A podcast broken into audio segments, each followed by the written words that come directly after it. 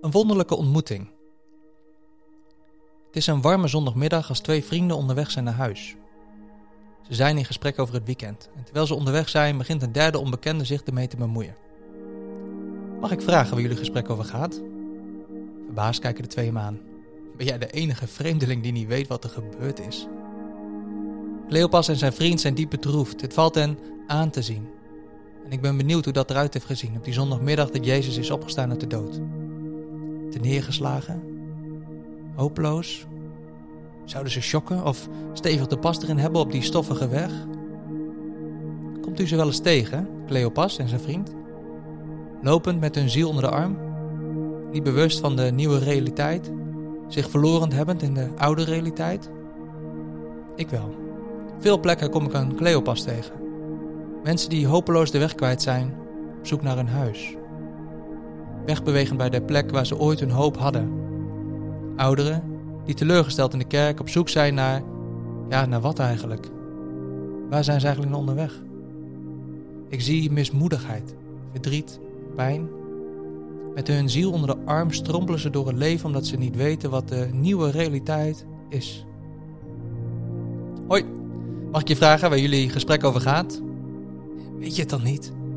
Heb je het niet gehoord? Ben jij de enige vreemdeling die niet weet wat er gebeurd is? Weet je, Cleopas en zijn vriend die hadden er niet verder naast kunnen zitten, want Jezus is alles behalve een vreemdeling.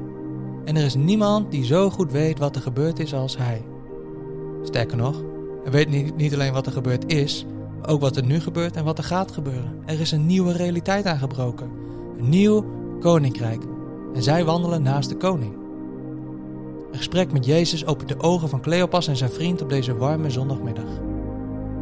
Er zijn vandaag nog veel Cleopassen die Jezus nodig hebben. Jezus is geduldig, maar duidelijk. Jezus luistert eerst. Luistert uitgebreid naar het warrige verhaal zonder bestemming. Hij ontwart het verhaal voor hen en leidt ze naar de waarheid, vol liefde. Hij neemt de tijd voor hen. Op deze dag.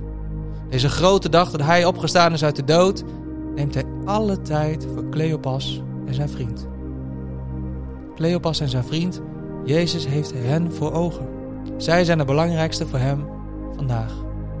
Nog voor de twaalf hem zagen, zag Jezus om naar hen. Ze hadden hem hard nodig. Welke Cleopas in jouw omgeving heeft Jezus nodig? Naar wie mag jij uitgebreid luisteren? Wie mag jij liefhebben en jouw kostbare tijd geven? Voor wie mag jij als Jezus zijn? Bid je toe dat je wonderlijke ontmoetingen mag hebben.